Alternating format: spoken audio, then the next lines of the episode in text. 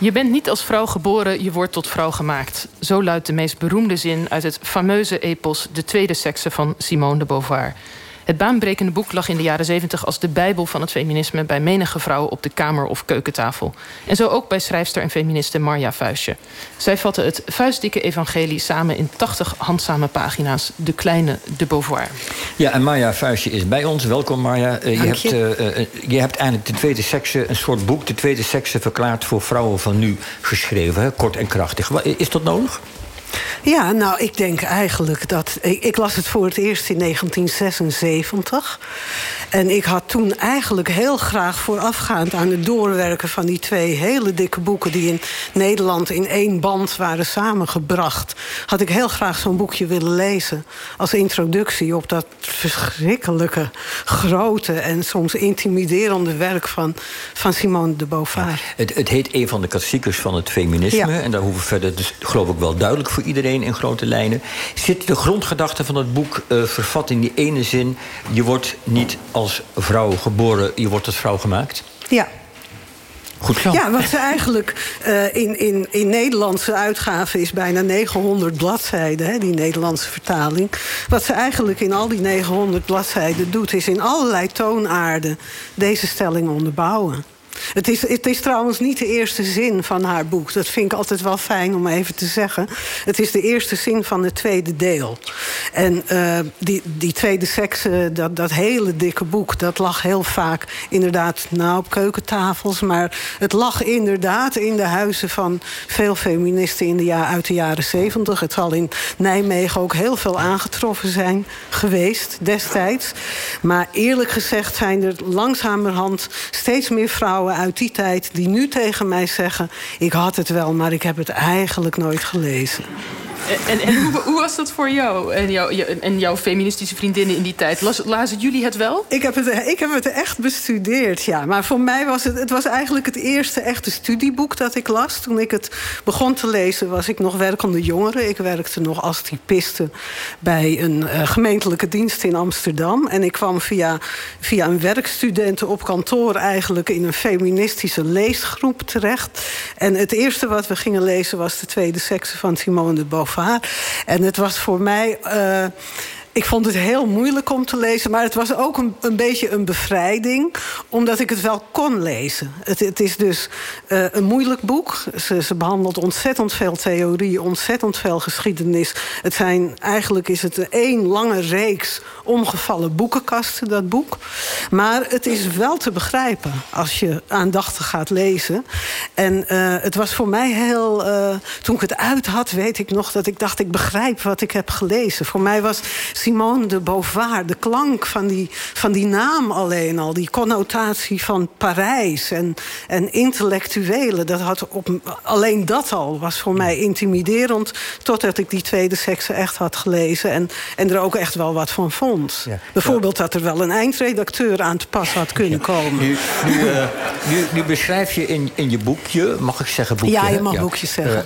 Uh, daar, daarmee is niets afgedaan aan de nee, kwaliteit helemaal van. niet. Uh, beschrijf je zelfs dat mede feministen, tijdgenoten van jou, als bijvoorbeeld Maya Pruis, nu bekende recensent bij de Groene Ja. Amsterdammer, uh, ooit vertelde dat ze het boek las alsof het de I Ching was. Nee, ze gebruikt hem als de I Ching. En dat begrijp ik ook, want dat, dat heb ik in de loop der jaren... Ik, ik, ik heb een tijd bij Opzij gewerkt. Ik heb veel over feminisme geschreven. En, en omdat Simone de Beauvoir haar boek toch het oerboek is... eigenlijk van alle feministische boeken. Bijna alle boeken die daarna kwamen... refereerden weer aan die tweede sekse.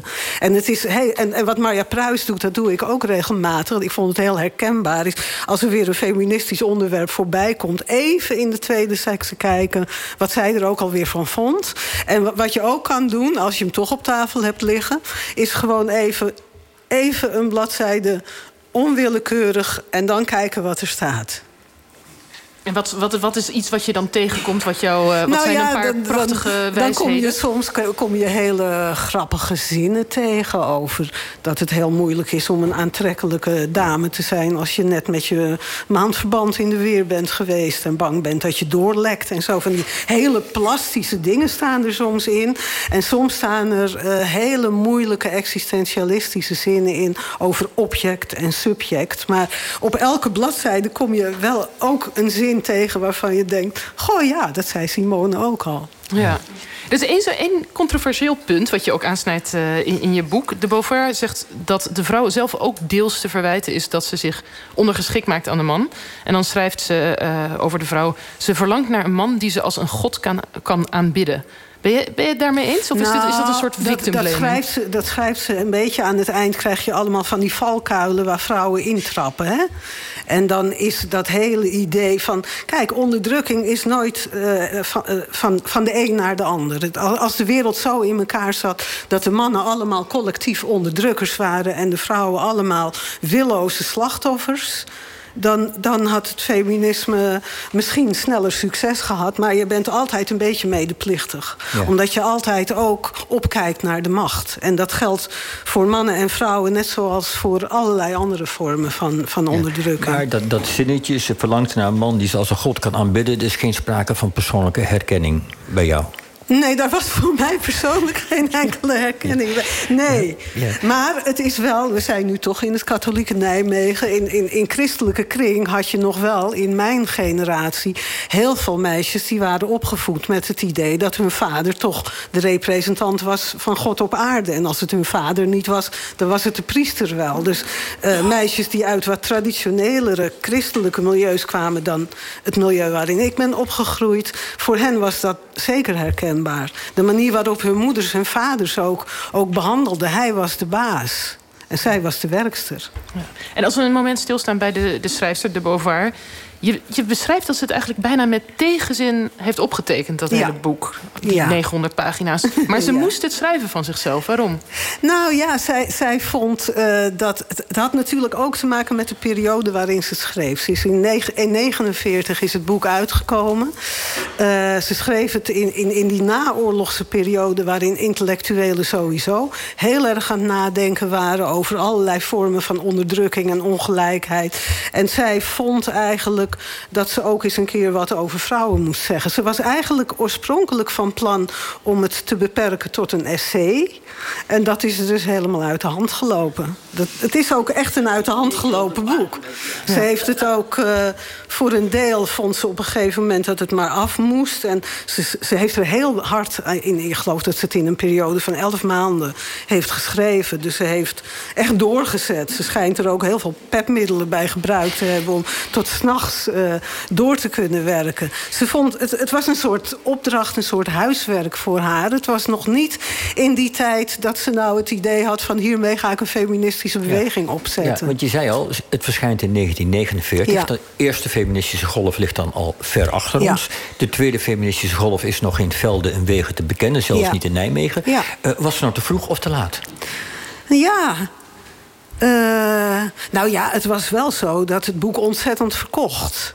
En, en dat zat hem ook in, in de onderwerpen die ze ook aansneed. Hè? Ze, ze besteedt bijvoorbeeld heel veel bladzijden aan abortus. En het feit dat abortus overal maar verboden is. En al die vrouwen die toch abortus doen. Zij haalt ook op een gegeven moment een, een onderzoek aan... waaruit blijkt dat wel een miljoen vrouwen in Frankrijk... op dat moment ervaring hebben met abortus. Dat was iets wat bij vrouwen, door vrouwen heel erg herkend werd.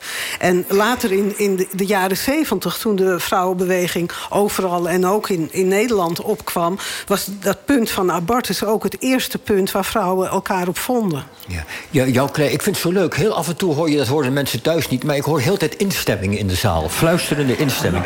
Uh, dus we zitten echt in Nijmegen, dat is duidelijk. het is nog niet dood, het feminisme. Ja. Uh, maar ja, uh, voor alle duidelijkheid, jouw boek moet gewoon verplichte leesstof worden voor alle jonge vrouwen nu. Hè? Jouw kleine de Beauvoir. Hoef alleen maar ja te zeggen. U zegt het. Ja, goed. Ja.